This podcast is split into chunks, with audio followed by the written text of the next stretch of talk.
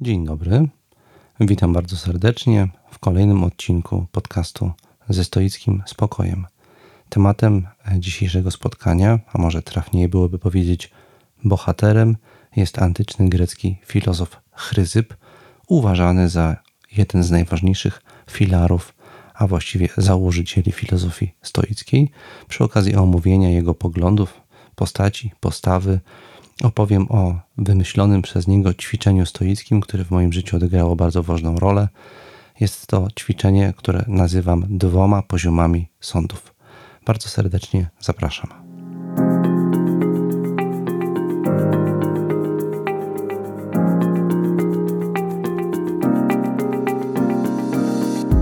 Mamy ograniczony wpływ na to, gdzie i pośród jakich ludzi żyjemy nie my decydujemy, co nam się codziennie przydarza. Od nas jednak zależy, jak to przyjmujemy i jakimi stajemy się ludźmi. Nazywam się Tomasz Mazur, jestem współczesnym praktykującym stoikiem i zapraszam do wysłuchania mojego podcastu ze stoickim spokojem.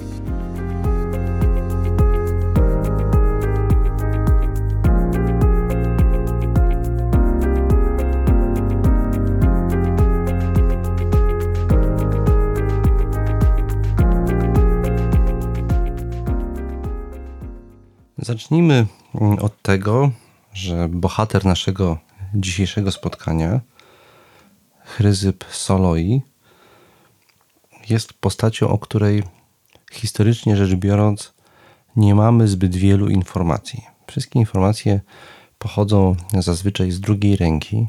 Dość wspomnieć tytułem wprowadzenia, że jest to jeden z najbardziej płodnych antycznych filozofów.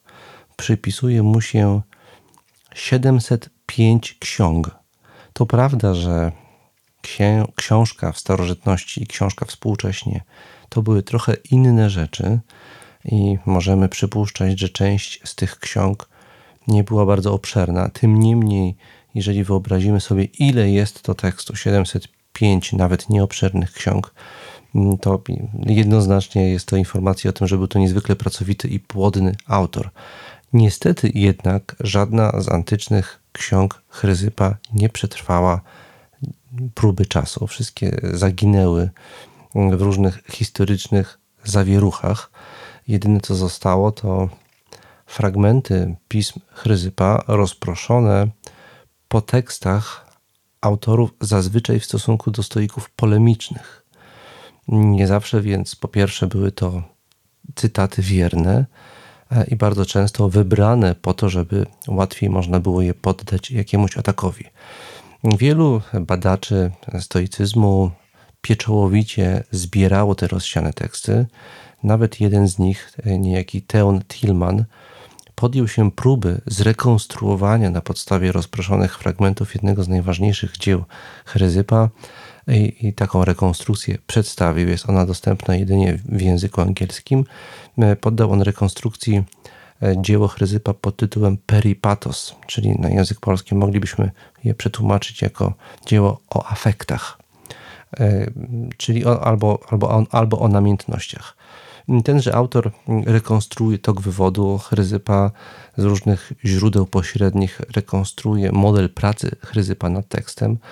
W jednym z opracowań starożytnych, y, z jednego z opracowań starożytnych dowiadujemy się między innymi, że Chryzyp, jak podaje jego służąca, narzucał sobie, narzucił sobie bardzo rygorystyczny tryb pracy pisarskiej, w efekcie którego, albo w ramach którego to trybu czy dyscypliny, pisał 500 linijek tekstu dziennie, ja to zanalizowałem i, zanalizowałem i policzyłem. Wyszło mi, że mm, prawdopodobnie pisał około 15 stron standardowego tekstu, mm, y, standardowego we współczesnym tego słowa znaczeniu, czyli powiedzmy, że chodziłoby o 1800 znaków na stronę. Więc y, proszę sobie wyobrazić, co to znaczy pisać 15 mm, stron dziennie i to w dodatku, w dodatku mówimy tutaj o pisarstwie, uważanym przez starożytnych komentatorów Chryzypa, a także za jego oponentów, pisarstwie e, najwyższej próby. pisarstwie doskonałym. Porównywano umysłowość Chryzypa z umysłem Arystotelesa, e, z, z rozmachem pism arystotelejskich w zakresie zarówno ich wnikliwości, dociekliwości i wszechstronności. Podziw, jaki wzbudzał Chryzyp także u swoich oponentów, najlepiej dokumentuje powiedzonko jednego z właśnie z tychże oponentów, przedstawiciela filozofii akademickiej, czyli w tamtych czasach sceptyckiej, niejakiego Carneadesa, który miał powiedzieć, że gdyby nie było Chryzypa, i mnie by nie było. Chciał tym powiedzeniem, y, zapisanym przez Diogenesa Laertiosa w jego dziele Żywoty i poglądy słynnych filozofów, chciał Carneades tym swoim powiedzeniem powiedzieć, że sama polemika z Chryzypem, z którym się w kwestiach pryncypialnych nie zgadzał, była tak wartościowa, że stworzyła go jako filozofa. To nam mówi coś o autorytecie, jakim się cieszył Chryzyp już w starożytności.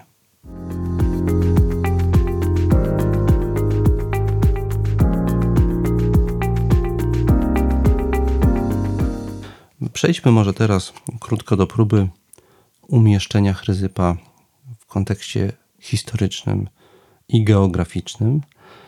Jak wiemy, jak y, słuchacz tego podcastu już powinien wiedzieć, stoicyzm został założony przez Zenona Skition. Miało to miejsce mniej więcej w 300 roku przed naszą erą i tenże Zenon Skition był pierwszym liderem, głównym mistrzem szkoły stoickiej. Po śmierci Zenona szkoła została przejęta, jej prowadzenie zostało przekazane niejakiemu Kleantosowi z Assos, który podobno wiele nowego do samej doktryny stoickiej nie wniósł. Natomiast trzecim z kolei liderem szkoły stoickiej był właśnie Chryzyp Soloi, który przejął ją w szczególnych okolicznościach, o których e, trochę później e, dzisiaj jeszcze powiem. Z kolei teraz e, wyjaśnijmy pochodzenie Chryzypa. Wspominałem tutaj już, że on urodził się w Soloi. Jest to miasto, które było położone w, na terenie starożytnej Cilicji. Jest to grecka kolonia zlokalizowana w Azji Mniejszej. Dzisiaj znajdowałaby się na terenie współczesnej Turcji, blisko granicy z Algierią. Mniej więcej 100 e, kilometrów, żeby to jeszcze bardziej przybliżyć współczesnemu słuchaczowi, mniej więcej 100 kilometrów od Aleppo. Tam się urodził Chryzyp. W nieznanych nam historycznie okolicznościach przyjechał do Aten. Tutaj mm, zainteresował się filozofią, zaczął ją z zapałem studiować. Najbardziej przypadła mu do gustu filozofia stoicka. Pobierał nauki u kolejnych e, stoików, by wreszcie, jak już wspomniałem, zostać liderem szkoły stoickiej. W jakich dokładnie okolicznościach i w którym roku to się stało, tego nie wiemy. Natomiast wiemy, że zmarł w wieku prawdopodobnie 73 lat a wydarzenie to miało miejsce najprawdopodobniej w 206 bądź 205 roku przed naszą erą.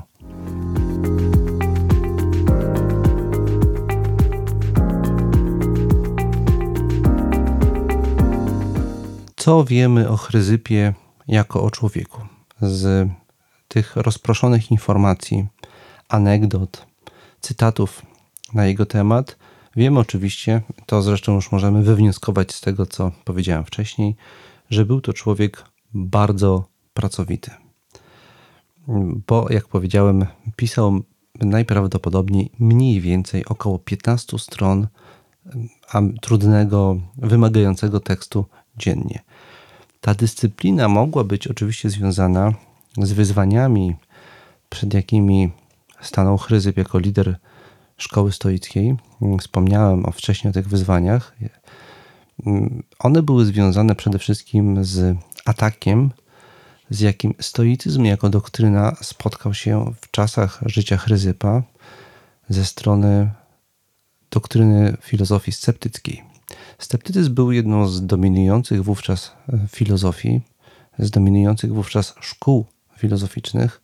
Dość wspomnieć, że nawet Akademia Platońska, założona pierwotnie w duchu idealistycznym i w myśl z zamysłem propagowania platońskiej teorii idei, stopniowo e, e, pokolenie za pokoleniem kolejnych liderów szkoły ewoluowała stopniowo w stronę sceptycyzmu, także w czasach życia Chryzypa słowo akademik i sceptyk miały charakter synonimiczny.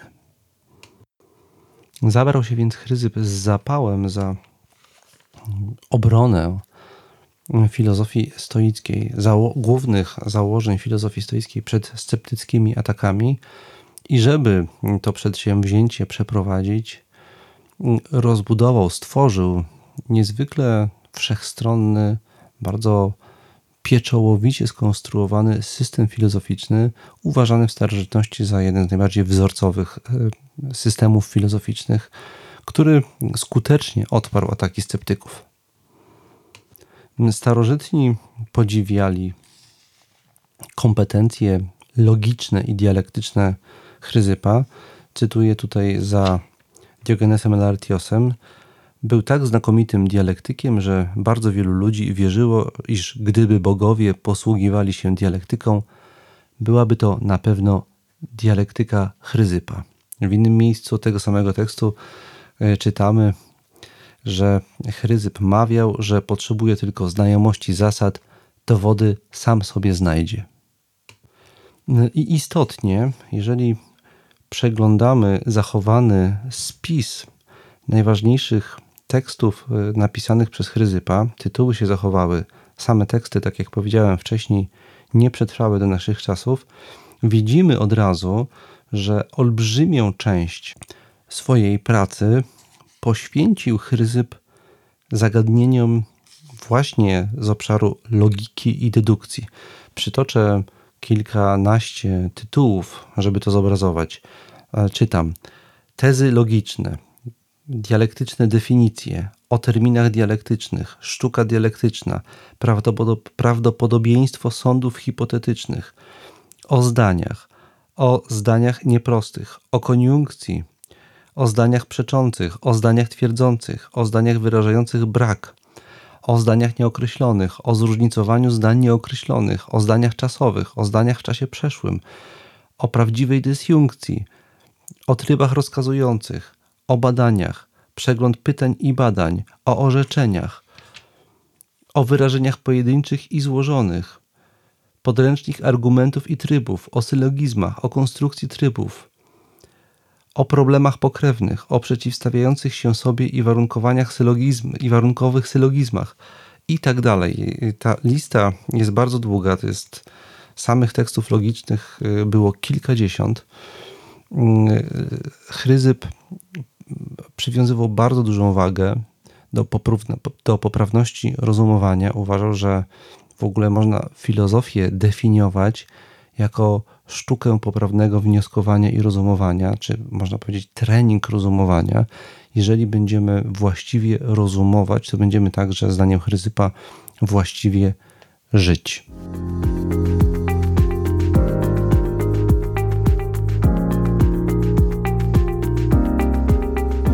Niektóre źródła podają także, że Chryzyp nie tylko poświęcał się pracy pisarskiej na skutek powołania intelektualnego, ale bardzo możliwe, że było to związane z jego niechęcią do interakcji społecznych.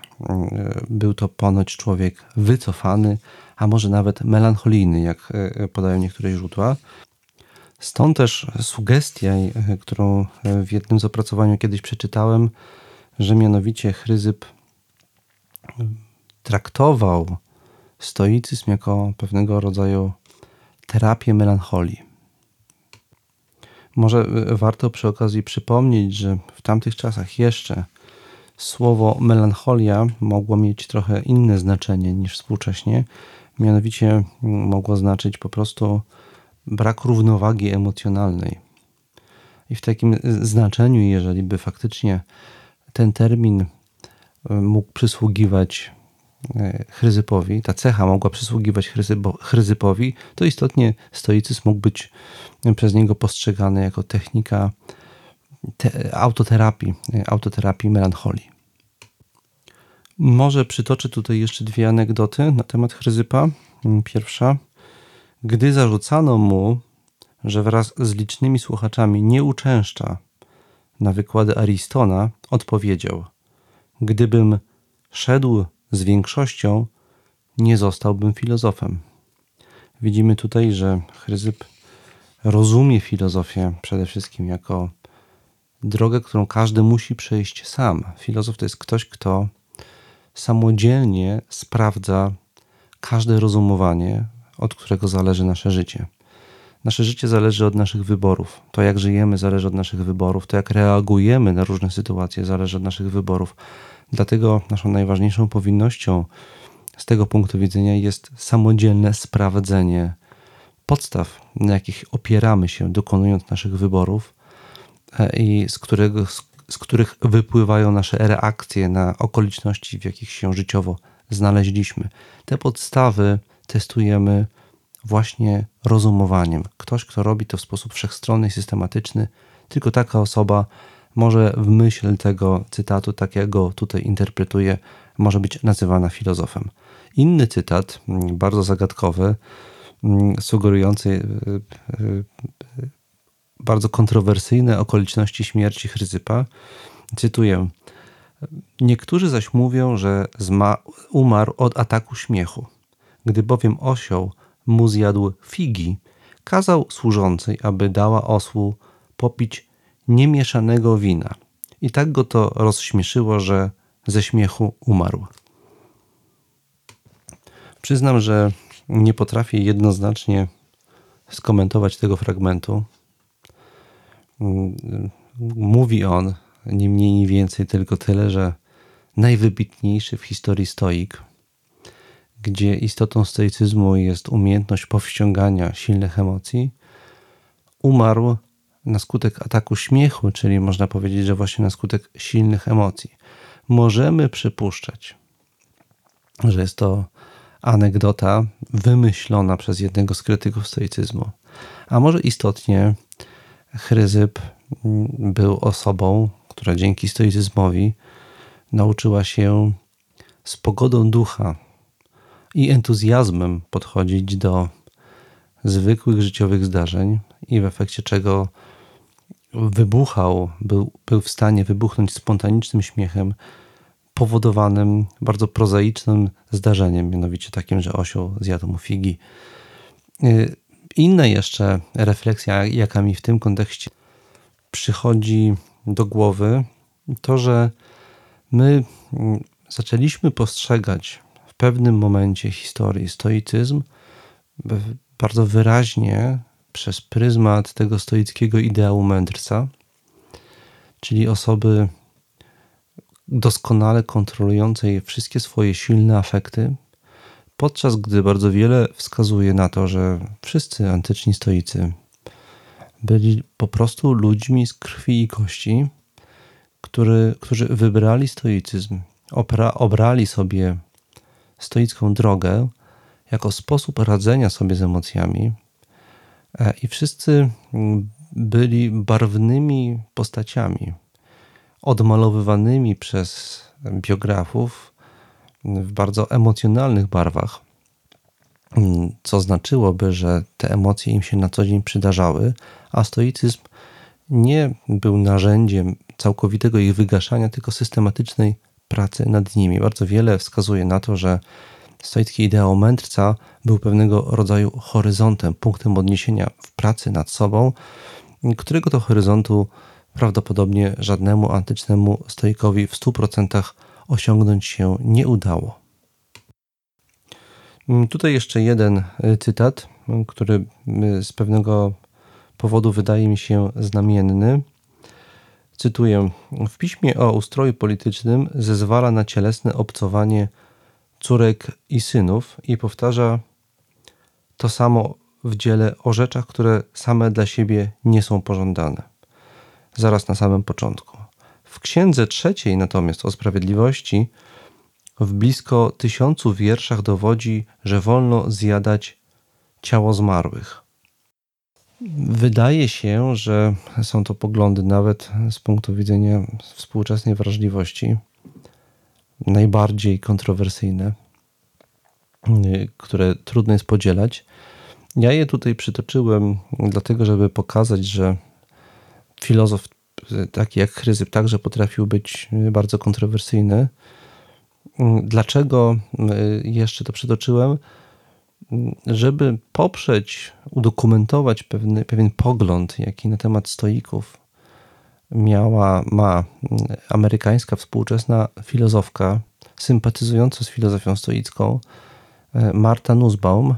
Ona uważa, że istotą e, filozofii tak sokratejskiej, jak i stoickiej, gdzie stoicyzm postrzegany jest przez nią jako pewnego rodzaju kontynuacja postawy sokratejskiej. No więc istotą tej filozofii jest stały krytyczny stosunek do tradycji. Filozof stoicki nie bierze nigdy, nie traktuje nigdy żadnego z, żadnej z norm ustanowionej przez tradycję jako coś świętego, zawsze jest gotowy poddać jej, jej tą normę krytycznemu badaniu. I dopiero w efekcie tego badania podejmuje decyzję, czy postępowanie zgodnie z tą normą jest właściwe czy niewłaściwe. Można powiedzieć, że do istoty, do kondycji filozofii należy stała czujność w stosunku do nakazów wszelkiej społeczności i wszelkiej tradycji, na której ta społeczność jest ufundowana. Mamy to tutaj na przykładzie pewnych tabu. E, z jednej strony stosunku do zwłok. Wyobraźcie sobie Państwo, wyobraź sobie, drogi słuchaczu bądź słuchaczko, jak szokujące musiały być te poglądy w starożytności, że mianowicie w zjadaniu zwłok, jeżeli już ktoś z jakiegoś powodu tego aktu się dopuścił, nie ma niczego, co by było same w sobie złe bądź dobre. Bardzo możliwe, że Chryzyp wypowiedział ten pogląd w kontekście specyficznej stoickiej koncepcji dobra i zła. Chryzyp uważał, że dobre bądź złe nie są żadne zewnętrzne czyny, ale, ale wyłącznie cechy charakteru człowieka, to jakimi jesteśmy ludźmi. E, więc jeżeli w jakichś nadzwyczajnych okolicznościach, albo jeżeli ktoś mm, motywowany obyczajami danej kultury, a wiemy, że są kultury, w których mm, chociażby w ramach religijnych obrządków zjadano e, części ciała zmarłych. Mm, więc jeżeli ktoś jest częścią takiej kultury, to chce mu powiedzieć, że z czysto racjonalnego powodu, z czysto racjonalnych względów, on nie widzi żadnych jednoznacznych przeciwwskazań przed jedzeniem zwłok. Powiedziałbym, że jest to dowód na otwartość umysłu, właśnie nieprzeciętną otwartość umysłu człowieka tamtych czasów. Podobnie ze współżyciem osób blisko ze sobą spokrewnionych, nie mając żadnych jednoznacznych dowodów na to, że mogłoby to być z jakiegoś powodu szkodliwe dla tych ludzi, Chryzyp mówi, że w, w akcie takim samym w sobie nie ma niczego złego. Do takich dochodzi wniosków na podstawie przesłanek, jakimi wtedy operował, jakie były wtedy do jego dyspozycji. Podsumowując krótko to, co do tej pory powiedziałem, Chryzyp był filozofem w najwyższym stopniu nieprzeciętnym jak na tamte czasy. Stworzył niezwykle wszechstronny system filozoficzny, obejmujący wszystkie możliwe działy filozofii z olbrzymim naciskiem na logikę i poprawność rozumowania. Wielu współczesnych logików uważa, że stoicy, a w szczególności Chryzyp, położyli podwaliny pod, to, pod coś, co dzisiaj znamy pod pojęciem logiki zdań, czyli najbardziej klasycznej postaci logiki. Nadto mm, Chryzyp wybronił stoicyzm antyczny z poważnych opresji, do tego stopnia, że wielu komentatorów filozofii stoickiej już w starożytności mówiło, że gdyby nie było Chryzypa, nie byłoby stoicyzmu. Czy mm, ta filozofia Chryzypa spotykała się także z krytyką? Oczywiście. Takie najczęstsze, e, najczęściej występujące w tekstach antycznych postaci tej krytyki to, że Chryzyp, to u Cycerona na przykład wyczytałem, był filozofem nadmiernie pedantycznym. Za dużo jest tam bardzo szczegółowych, specjalistycznych, pedantycznych, filozoficznych rozróżnień, analiz, czyli czegoś, co dzisiaj ktoś mógłby chętnie nazwać dzieleniem włosa na czworo. Chryzyp y, uważał, że dobre zrozumienie wymaga czasami bardzo szczegółowej analizy. Mm, inny zarzut to jest to, że w tekstach Chryzypa jest bardzo dużo cytatów. Gdzieś wyczytałem, że y, ktoś uszczypliwie pod adresem stoi Chryzypa mówił, zapytany o to, co czyta, mówi, że czyta Medeę Chryzypa. Przypomnę, że Medea jest to mm, tragedia Eurypidesa. Prawdopodobnie komentując e, Medeę, to co jej się wydarzyło, jej stany emocjonalne, w ramach e, wyjaśniania specyfiki stoickiej koncepcji emocji, Chryzyp przytoczył bardzo wiele fragmentów tego tekstu, tak dużo, że e, w ramach właśnie krytyki czytelnik tego dzieła powiedział, że czyta właściwie całą Medeę, tyle że w wersji Chryzypa. Istotnie, jak przeczytałem w innych źródłach, między innymi właśnie u Tauta Thielmana, y, przeczytałem tam, że wtedy, w tamtych czasach, nie było dużej ilości książek, czy powiedzmy precyzyjniej zwojów. Posiadanie dużej ilości zwojów było luksusem. Ludzie w większości nie mogli sobie na to pozwolić. W związku z czym, kiedy zdobywali dostęp do jakiejś książki, oni po prostu kopiowali duże jej fragmenty. Czasami kopiowali jednocześnie komentując do jakichś swoich celów. I wiele antycznych tekstów miało właściwie pierwotnie postać takiej kopii zrobionej dla siebie z komentarzami.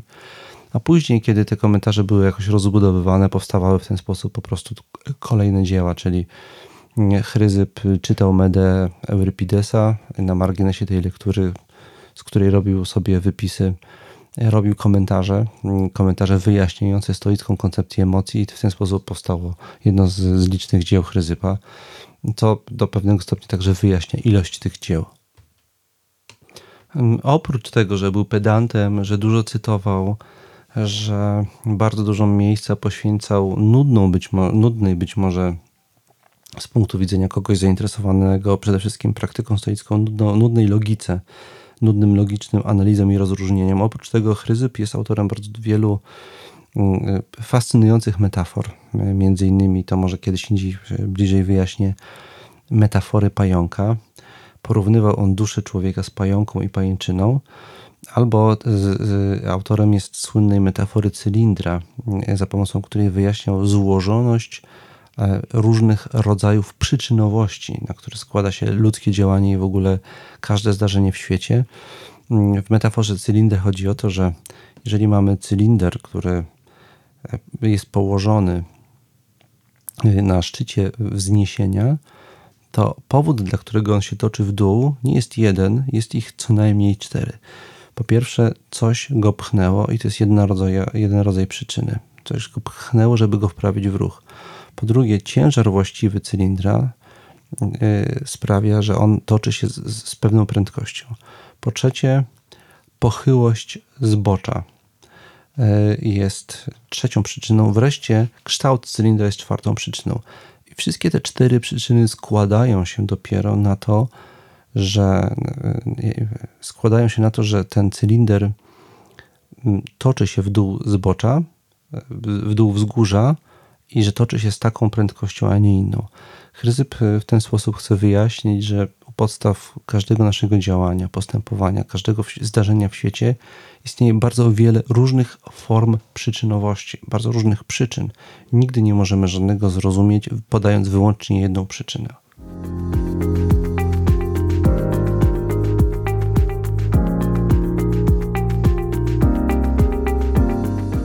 Wreszcie mm, jest też chryzyp, i teraz przechodzę do najbardziej praktycznej części y, dzisiejszego odcinka y, tego podcastu.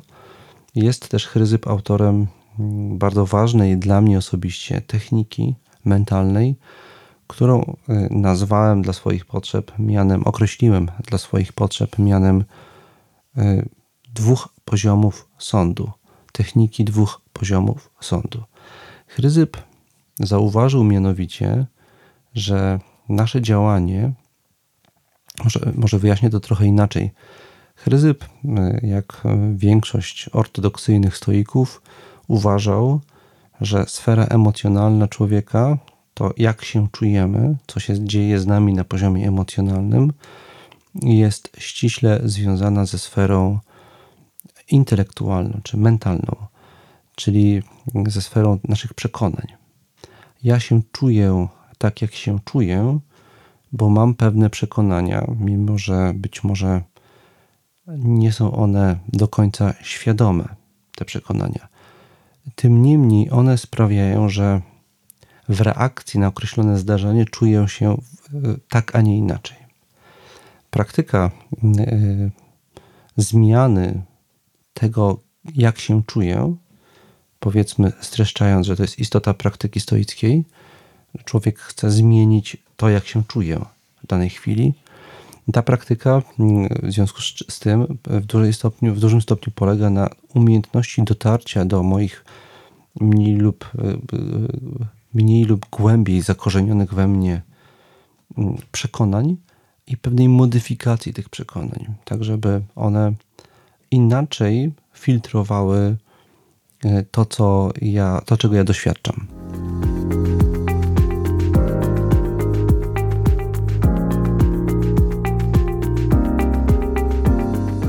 I teraz technika dwóch poziomów sądu opiera się na odkryciu dokonanym przez Chryzypa, że każde nasze działanie, reakcja emocjonalna na jakąś sytuację składa się co najmniej z dwóch poziomów sądów, czyli dwóch rodzajów sądów.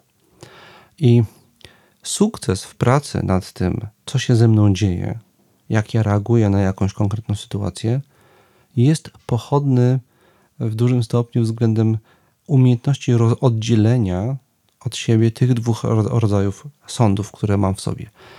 E, podaję e, to teraz, zbadam to teraz na przykładzie, oczywiście najbardziej podstawowym i prostym, na przykładzie silnego wzburzenia, jakim jest gniew. Mm, oto zdarzyło mi się coś, ktoś mnie obraził. Mm, ja czuję się bardzo źle z tego powodu, że ktoś mnie obraził. Czuję wzburzenie, złość, taką wewnętrzną, narastającą we mnie.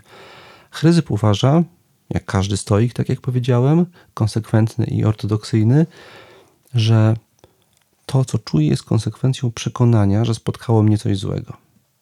Ja mam w sobie przekonanie, że nieprzychylna opinia na mój temat kogoś, wyrażona w określony sposób, jest jakimś złem, które mi się przydarzyło. Moja emocja jest reakcją na to, że ja jestem przekonany, że przydarzyło mi się coś złego, a nie reakcją na to, co mi się przydarzyło. E, czyli to, co mi się zdarzyło, jest przefiltrowane przez moje przekonanie, które sobie, którego sobie mogę nie uświadamiać, i to, jak się czuję, jest konsekwencją posiadania tego przekonania. To jest pierwszy poziom sądu, czy pierwszy rodzaj sądu. I jeżeli ktoś ma bardzo głęboko zakorzenione tego rodzaju przekonanie, że bycie obrażonym jest czymś złym, to on będzie reagował w sposób niemalże bezwiedny, automatyczny jest to proces nieuchronny. Dopóty, dopóki nie zdemontuje, zdekonstruuje w sobie tej struktury przekonań powodujących, że reaguje emocjonalnie tak, a nie inaczej, dopóty będzie tak reagował i nie będzie mógł z tym nic zrobić.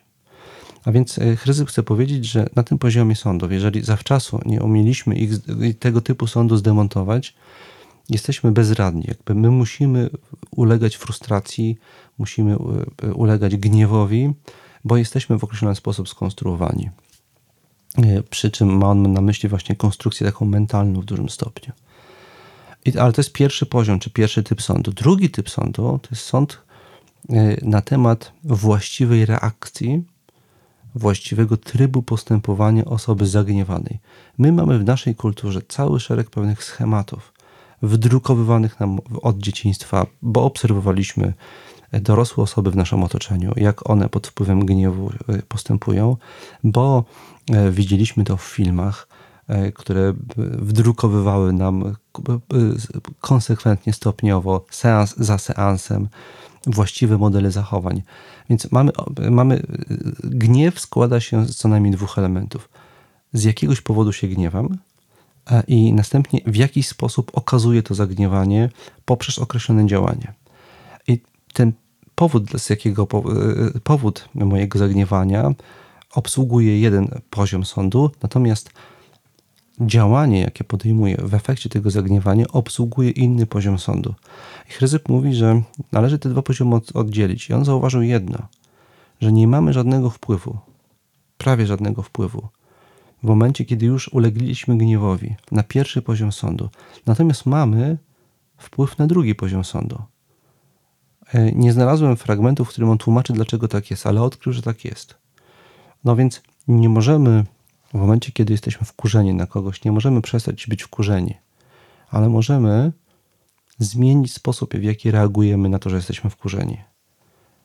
Czyli na przykład, jeżeli chcesz na kogoś nawrzeszczeć, dlatego że cię obraził, albo oddać mu piękne za nadobre i też go obrazić, bo taki masz schemat wyniesiony z dzieciństwa, że tak się robi. Jak ktoś krzyczy na ciebie i cię obraża, to ty też krzyczysz. Zostałeś nauczony, że tak się reaguje. Otóż nie musisz wcale tak zareagować i masz olbrzymi wpływ na to, jak zareagujesz. To odkrył Chryzyp. My możemy wymyśleć sobie i przygotować nawet zawczasu inny sposób reakcji. Chryzyp odkrył, że kiedy eksperymentujemy z innymi, nieoczywistymi sposobami reakcji na to, że ktoś nas obraża, dużo szybciej wygasza się gniew. Mówię, powiedziałem na samym początku, że to ta technika w moim życiu odegra, odegrała duże znaczenie. Otóż ona odegrała właśnie duże znaczenie, dlatego że ja y, jestem z natury człowiekiem bardzo emocjonalnym i nie radziłem sobie z, z wieloma moimi emocjami.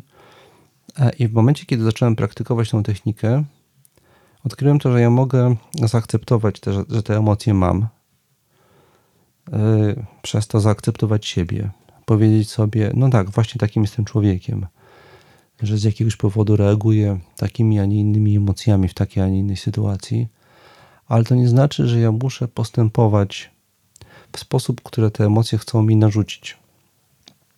Mogę postąpić inaczej. Całkiem odwrotnie. W stosunku do tego, co podpowiadają mi te silne wewnętrzne reakcje emocjonalne. Zwrócić się właśnie do wewnątrz, do siebie i przyglądać się po prostu tym emocjom i nie podejmować pewnych działań.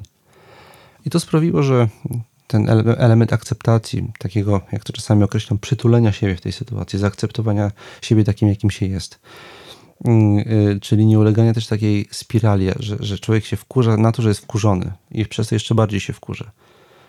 E, ja nauczyłem się akceptować to, że jestem wkurzony i to był jeden z pierwszych kroków w stronę bycia naprawdę sprawnym stoicko w niektórych sytuacjach.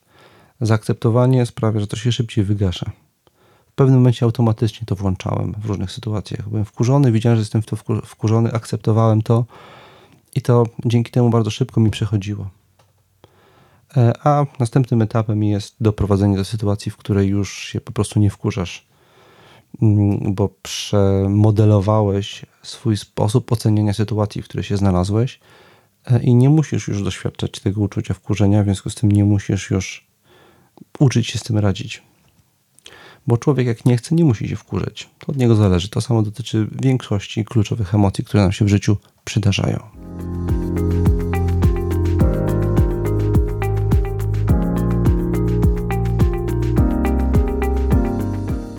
Tyle dzisiaj chciałem powiedzieć o Chryzypie. Oczywiście ja mógłbym o, nich, o nim mówić godzinami, bo studiuję jego e, poglądy, e,